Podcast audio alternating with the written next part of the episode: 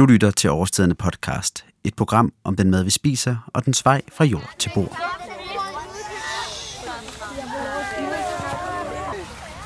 Femte C, kom her ned.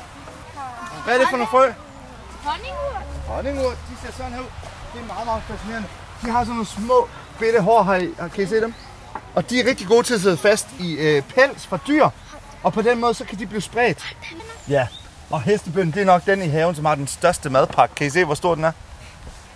Kæmpe stor. Og hvis man deler den, så kan man se et frøs opbygning. Mm, det kan være svært. Kan man se, så derinde i. Så alt det hvide, det er, hvad hedder det, det er madpakken. Og så sidder der noget, der hedder kimen her på toppen, som er sådan et frøsporagtigt noget, hvor, og det er egentlig det, planten er. Så alt andet er madpakke. Så det er ret smart. Det klip, du lige hørte, var med en af haveformidlerne ved Haver til Maver, som fortæller en gruppe elever om de frø, de har fundet i haven. Og Haver til Maver er netop, hvad det skal handle om i dag.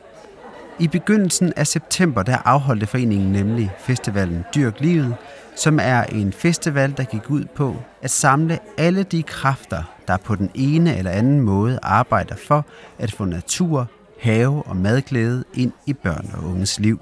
og guide folk igennem en dag, hvor vi skal skabe en bevægelse, eller retter en bevægelse, der allerede er i gang, som vi skal være med til at underbygge sammen og støtte sammen. I denne udsendelse skal du høre om, hvordan der arbejdes for at give børn og unge en større forståelse for, hvor vores mad kommer fra, og hvordan naturen fungerer. Og vi lægger ud med at få styr på, hvad foreningen Haver til Maver egentlig er. Til at forklare det er Søren Eilersen, der er stifter og formand af foreningen, og Susanne Legaard, der til dagligt leder Haver til Maver. Haver til Maver blev stiftet som forening i 2003, startede i Fredensborg Kommune, hvor vi fik held med at lave skolehave til alle børn, kom på budget i Fredensborg Kommune. Synes det var en, øh, en helt vild ting, og synes at det skulle andre også have glæde af. Så startede vi, hjalp vi med at starte i Odense. Øh, så startede Gribskov Have til Maver, så startede Furesø, så startede Aarhus, Aalborg, så videre, så videre, så videre. Og det er en situation i dag, hvor der nu er 40 haver til maver, skolehaver ude i landet, hvor der er 1100 børn. Øhm, børnene, de dyrker livet, siger jeg, og det foregår lavpraktisk ved, at de, de får en have, de dyrker sammen i et socialt fællesskab, og de dyrker nogle specifikke retter, som de så ender med at, at tilberede, og i, i, for, i de forløb, der lærer de for eksempel fotosyntese, så videre, så videre, så videre. En masse af de øh, læringsmål, som, øh, som lærerne de, øh, de står overfor, øh, som ofte kan være strapasserende. Fotosyntese er faktisk en af dem, der er rigtig, rigtig svært at få ind på lystavlen. Men det sker, når man er ude i naturen. Så er det meget nemmere. Ude sådan et sted, fordi de tror, de er fri.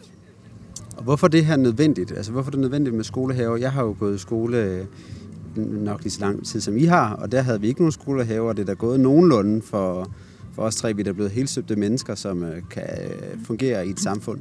Vi kan jo se, hvordan at vi forbruger jordens ressourcer hurtigere og hurtigere. Og øh, det, der er simpelthen en nødvendighed for, at vi nu tager vare på, at vi giver børn øh, læring, kundskaber øh, og handlekraft til at tage sig af kloden fremadrettet. Som Susanne var inde på, det er, det er værktøjer i din, øh, i din rejse til at blive et menneske, der forstår, hvad, hvordan du skal agere her på kloden, så vi afleverer den i en lidt bedre tilstand, end vi modtog den. Der sker det modsatte i dag. Øh, hvordan ruster vi mennesket til at forstå, hvordan vi kan være med til at, at agere på planeten i relation til bæredygtighed, øh, gastronomi og som sagt før, så tage vare på sig selv og få et godt liv ud af det. Der tror jeg, at øh, det univers, der er omkring for eksempel skolehaver, øh, øh, sund madlavning og social sammenhængskraft i en anden kontekst end at sidde på en, på, på en skolestol. Det er et rigtig, rigtig godt sted at lære og opleve og finde vej i livet. Vi kalder det faktisk at dyrke livet. I dag kommer omkring 8.000 børn hvert år i en af haver til mavers skolehaver. Alligevel er der i haver til maver større ambitioner. De vil nemlig gerne have endnu flere børn og unge med ud under den åbne himmel, så de, i ordets mest positive mening, kan få masser af jord i hovedet. For at indfri den mission er det nu blevet muligt for alle, der arbejder med at få natur, have og madglæde ind i børn og unges liv, at melde sig ind i haver til maver. Hensigten er at øge sammenhængskraften mellem alle de forskellige initiativer, der findes rundt om i landet, så kompetencer og ressourcer i større grad bliver samlet et sted. Susanne fra Haver til Maver forklarer her, hvad det går ud på. For det første så har vi mærket en stor interesse for det, vi går og laver. Folk henvender sig, vil gerne vide noget mere, vil godt øh, være med i den fremdrift, der sker inden for skolehaver. Øh, og så kan vi også se, at der, hvor vi gerne vil øh, have vores dagsorden ind på bordet, for eksempel hos kommunerne, øh, der vil det være en meget bedre idé, at vi stod sammen. Øh, der er, hvis vi alle sammen sad og brygge vores egen dybe tallerken og kom ind med den øh, ret til kommunens bord, så ville der være 100 forskellige grønne initiativer, de skulle sidde og kigge på, og så havde vi ikke hjulpet nogen på vej hverken kommunens valg ud i de grønne initiativer, men heller ikke, at vi faktisk får noget i gang derude. Hvis nu vi kunne se hinanden i et fællesskab med en fælles dagsorden, så står vi meget stærkere. Hvis man er en forening, der har en skolehave øh, et helt andet sted, eller har et eller andet tilbud til unge mennesker efter skoletid, eller hvad det måtte være, alle mulige forskellige grønne initiativer, hvorfor skulle man blive medlem af, af den her forening? Hvad får man ud af det, kan man sige? Jamen, vi øh, har øh, løbende haft øh, opsamlet viden inden for feltet, øh, og vi har øh, skaber en dialog på tværs af de aktører, som er derude. Og derfor mener vi, det giver en langt større værdi, hvis vi kunne stå sammen og skabe det fælles vidensgrundlag, så vi alle sammen er klædt på med den viden, der findes inden for feltet, men også at vi har et community, hvor vi på tværs kan kommunikere, hjælpe hinanden til, øh, ja, med alt det, der må være brug for i det daglige. Hvis man nu melder sig ind, bliver man så, eller vil man så opleve, at, at man får presset de her haver til maver måder at tænke på ned over hovedet. Altså der må være mange forskellige måder at gribe an på. Og man kunne måske synes, man, man har den bedste selv, og den, der passer til den kommune eller det lokalområde, man er i. Jamen, vi ser sådan set ikke øh, haver til maver-konceptet som det eneste, eller de eneste, der kan være medlemmer af i den her forening. Øh, der er en gruppe af medlemmer, som allerede arbejder efter have til mave-konceptet og laver skolehaver på den måde.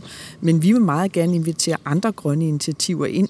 Det kan også godt være, at man ikke arbejder med have, men man arbejder med noget relateret til det. Man arbejder med maden, man har madklub med børn, og så kan man også godt blive medlem.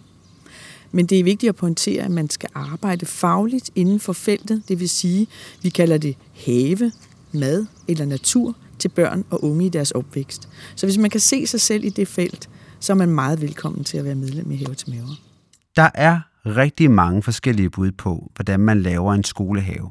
Derfor er det vigtigt, at de forskellige initiativer samles, så de kan dele viden og erfaringer med hinanden.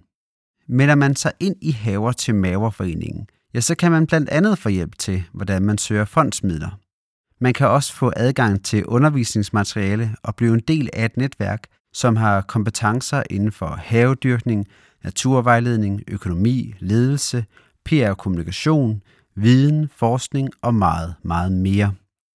Alt det, det kan du læse meget mere om i de link, som jeg har lagt i programbeskrivelsen. Nu er det nemlig blevet tid til, at vi skal ud og se nærmere på, hvad man egentlig laver i en skolehave. Derfor så mødtes jeg en blæsende og regnfuld dag med Sally, der er haveformidler i Haver til Maver. En skoledag i Haver til Maver starter gerne med, at eleverne ankommer. Det er enten på gåben eller på cykel. Og så, øh, så tager vi en snak med deres lærer om dagens program, mens de får en bid mad og en tår vand. Og, øh, og når vi så er færdige med, med dagens opstart, så går vi gerne i haven. Og om foråret er det jo så havearbejde, der skal sås så der skal luges. Om efteråret er det primært høst. Og efter havearbejdet, så er der en øvelse enten omkring natur, det kunne være ud og undersøge komposten eller finde insekter, men for det meste er det noget mad i køkkenet. Så når eleverne eller klasserne har de her haver, så kan de hjælpe med, at frøene bliver sået og planterne bliver plantet. De skal også lære at kende forskel på ukrudt og gulerødder, og kan ikke bare komme her og så regne med, at det hele bliver lavet for dem. Nej, det er i høj grad eleverne, der arbejder. Vi går efter et princip, der hedder 80-20. Altså 80% arbejde, hvor eleverne arbejder på egen hånd, og 20% hvor vi giver en instruktion eller et fagligt oplæg. Så det er, det er fra haven til maven, fra haver til maver. Altså de passer og dyrker en have for at få noget at høste, som de kan putte i maven når de har lavet mad i udkøkkenet. Og hvad er det så typisk, man, man dyrker? Nu ser jeg gulerødder. Jeg er ikke engang sikker på, at det, det er noget af det, de har. Er det så noget, man finder dernede, de der haver, hvis man går ned og, og kigger? Ja, det er meget de traditionelle afgrøder. Altså gulerødder, kartofler, bønner, squash, majs. Øh, og det har noget at gøre med, at det er dem, der... Altså vi, vi har udvalgt de mest robuste og nemme afgrøder, så vi er, der er stor sandsynlighed for succes. Og, øh, og så klasserne, der kommer her, de kommer her sådan set kun én gang i deres skoletid i et forløb, så de har rigelig oplevelse i at dyrke deres egen gulerod. Øh, selvom man synes, det er det mest almindelige nede i supermarkedet, så er det sådan noget helt særligt, når man selv har dyrket den og hævet den op af jorden. Jeg tænker, der er selvfølgelig nogle dage, der er bedre end andre. I dag er måske sådan en dag, der, hvor man i hvert fald, når man starter, tænker, det er lidt op ad bakke. Man skal have gummistøvler på og regntøj, og så er man afsted nærmest øh, hele dagen. Mm. Hvordan oplever du, at eleverne tager imod de her udfordringer, som kan være i at være udenfor? Som udgangspunkt, så synes jeg, at de tager det rigtig flot. Altså, der, det er meget sjældent, at vi har sådan problemer med, at nogen bare ikke vil, eller bare ikke trives i at være herude. Og det med, at man har et forløb, hvor de kommer otte gange, det hjælper jo også på, at hvis de har været ude i regnvejr og kulde en gang, men så husker de det, og er bedre til at tage tøj på næste gang. Vi har tit i evalueringer fået at vide fra eleverne, at jeg har lært at tage ordentligt tøj på, hvis jeg skal være i haven. Øhm, og så vil jeg sige, selvfølgelig havearbejdet, det, det, det kan være lidt udfordrende. Jeg tror, det fjerner, eller mere fjernt fra mange elever i, i forhold til, at, at det er sjældent, de har prøvet at være med til at dyrke en have. Øh, men ude køkkenet, næsten ligegyldigt hvor meget det regner, eller blæser, eller er koldt, så er de topmotiveret for at få det til at lykkes. Så, så der, er det, der er det sjældent, at vi sådan skal trække dem afsted. Det kommer af sig selv. Og så lægger jeg meget mærke til, når nogle lærere siger, wow, ham der eller hende der, de plejer ikke at komme til ord, men lige pludselig så lytter gruppen til dem. Det, det suger vi til os, for det er jo også det, vi, vi håber på, og det vi mener er, er det, vi kan. Vi kan give plads til mange typer elever. Der er jo selvfølgelig de der praktiske ting i det, altså at lære at holde en have, og lære at begå sig i et udkøkken og lære at lave mad udendørs også. Øh, Udover det skal der sådan set også noget faglighed ind i det, altså den der klassiske skolefaglighed. Øh, hvordan får I proppet det ind og får sikret sig, at de også øh, får den del med, eller det er noget, lærerne står for, når de kommer hjem øh, igen? Jeg vil sige, vi kører grundforløbet i den kulinariske skolehave heroppe. Og der er sådan set ikke lagt op til, at vi skal være eksperter i at lave matematik i skolehaven og lave dansk i skolehaven. Der er en masse, der kommer ind indirekte. De skal selv skrive navne på deres bedpinde, så de skal skrive, om det er gulerod eller squash eller hestebønne. Øh, der er noget stavning. De skal læse en opskrift. Det er noget faglig læsning. Øh, men det er ikke noget, vi gør et stort nummer ud af, øh, fordi det kan så meget andet. Øh, til gengæld giver vi en masse huskeknager til det, de skal lære hjemme på skolen i både mad, hjemkundskab eller madkundskab og, øh, og naturteknologi og alle de andre fag. Øhm, så det vil jeg sige, lige netop det med at flette det ind i fagene, lægger vi lidt op til lærerne. Øh, og så hvis der er jo nogle skolehaver, som er skolenære, det vil sige, de har skolehaven på skolen, og der er det oplevelsen, at, at de, øh, eller der bruger de helt klart skolehaven i alle fag, øh, og meget, nem, meget nemmere ved at knytte det sammen, fordi de kan sådan set gå ud i det enkelte fag. De dage, de er i grundforløbet, det, det spænder jo over flere forskellige timer, så der kan man ikke regne med, at det lige er matematiktimen eller idrætstimen øh, eller danstimen, de er heroppe i. Det er sådan lidt blandet. Så der er det meget fint, at vi har et all-round forløb, der, der prikker lidt til det hele. En ting er, hvad de voksne synes om skolehaverne. Noget andet er, hvad eleverne selv mener. For at undersøge det, fik jeg Eline, der også er tilknyttet haver til maver, til at spørge et par elever, hvad de laver i skolehaverne, og selvfølgelig, om de kan lide den lidt anderledes skoledag. Øh, hvad, kan I ikke fortælle mig, hvad I har plantet i jeres have? Øh, jo, vi har, vi har stribet rødbeder, og vi har gulerødder, og, og så vi har løg. løg. Og løg. Og hvad høster I i dag? Øh, vi høster gulerødder og kartofler og øh, rødbeder, for vi har øh, et fællesbed herover med nogle andre, hvor der er kartofler. Har I en yndlingsgrøntsag herude? Øh, gulerødder. Gulerødder. Sejt. Rødbeder. Og dine rødbeder? Fedt. Hvad, øh, hvad synes I om at være udenfor? Det er fedt. Ja, jeg synes, det er, det er sjovt. Sjovt. Ja. Ja. Ja. ja. Og det er hyggeligt. Man lærer noget nyt. Det er sjovere end at sidde i klasseværelset og lave matematik eller sådan noget. Ja, det er sjovt at være ude. Og Synes, man kommer ud og laver noget, ja. Det er også hyggeligt. Det tyder altså på, at eleverne selv sætter pris på skolehaverne. I den sidste del af den her udsendelse skal du møde Fie Ambo, der er dokumentarist og medstifter af den Grønne Friskole på Amager. Fie hun var en af talerne ved Dyrk Livet Festivalen, hvor hun fortalte om den Grønne Friskoles vision om at uddanne børn til at tage del i den grønne omstilling. Ligesom med skolehaverne, så foregår en stor del af den Grønne Friskoles undervisning uden for klasselokalerne. Undervisningen den er nemlig lagt an på, at eleverne i høj grad skal lære gennem projekter, der ofte rummer en del praktisk arbejde. Og det fortæller Fie om lige her. Den Grønne Friskole er en skole, som vi startede for at skabe en, et grønt curriculum, altså en grøn ryggrad i læring helt fra børnehaveklasse til 9. Øh, og der følte vi, at vi nødt til at starte en skole helt forfra, hvis vi vil skabe et grønt mindset hos den kommende generation. Hvad er det, eleverne går igennem i sådan et øh, skoleforløb, de har der? Altså, der er 150 elever nu, og de er, de er så fordelt på børnehaveklasse til den første 9. klasse, der går ud her nu til sommer. Og man kan sige, at grundlæggende så, så arbejder de under den, den store sådan paraply, der hedder grøn omstilling. Så de, de lærer rigtig meget om havebrug og hvordan, hvordan jorden fungerer, om kompost og øh, hvordan man forspiger og hele de her sådan helt øh, praktiske ting omkring have. Men de lærer også noget omkring social bæredygtighed og omkring, hvordan ressourcer rejser i verden og hvordan man bygger ting. De lærer meget håndværk. Så de bliver i stand til at handle på deres idéer. Fordi det, som vi i hvert fald kan se i vores egen generation, nu er jeg 44, det er, at folk kan godt få rigtig mange idéer, men har virkelig svært ved at handle på dem. Faktisk ikke har lært, hvordan er det, man sådan helt konkret bygger noget, eller laver noget. Og det får vi brug for alt sammen at kunne i sådan en omstillingsproces. Et nærliggende spørgsmål er selvfølgelig, om ikke eleverne mister en masse boglige kompetencer, når så meget af undervisningen flyttes væk fra klasselokalet. Så det spurgte jeg naturligvis fire om.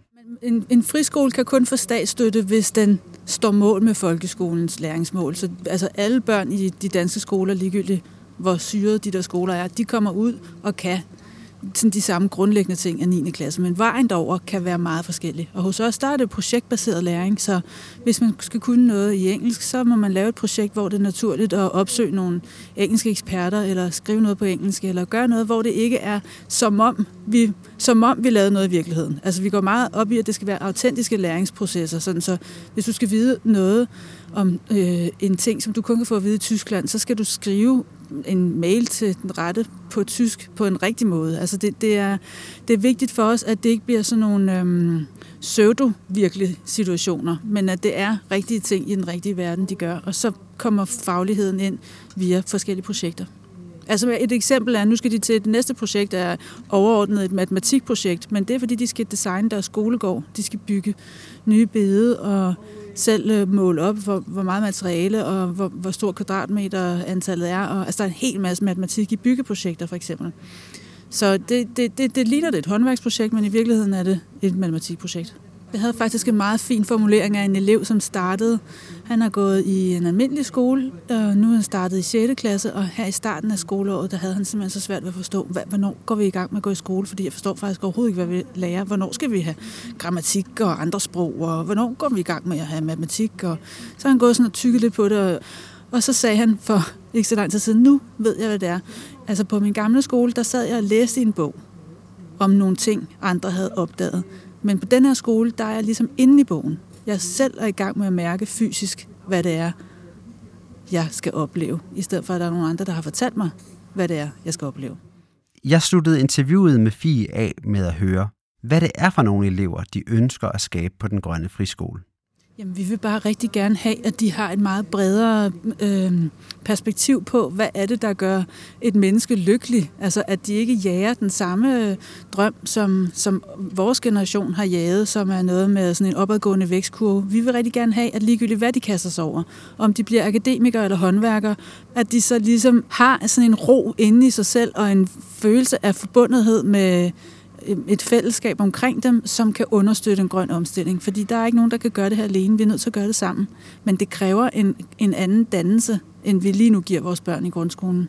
Øh, man kan også vente om at sige, at det, som vi jo i dag lærer i høj grad, det er jo en, øh, et ekstremt højt abstraktionsniveau, abstraktionsniveau, øh, en evne til at tænke kritisk, øh, øh, reflektere over de ting, den, de ting, vi møder, og, og vi får altså rigtig meget i gave fra gymnasierne og fra universiteterne.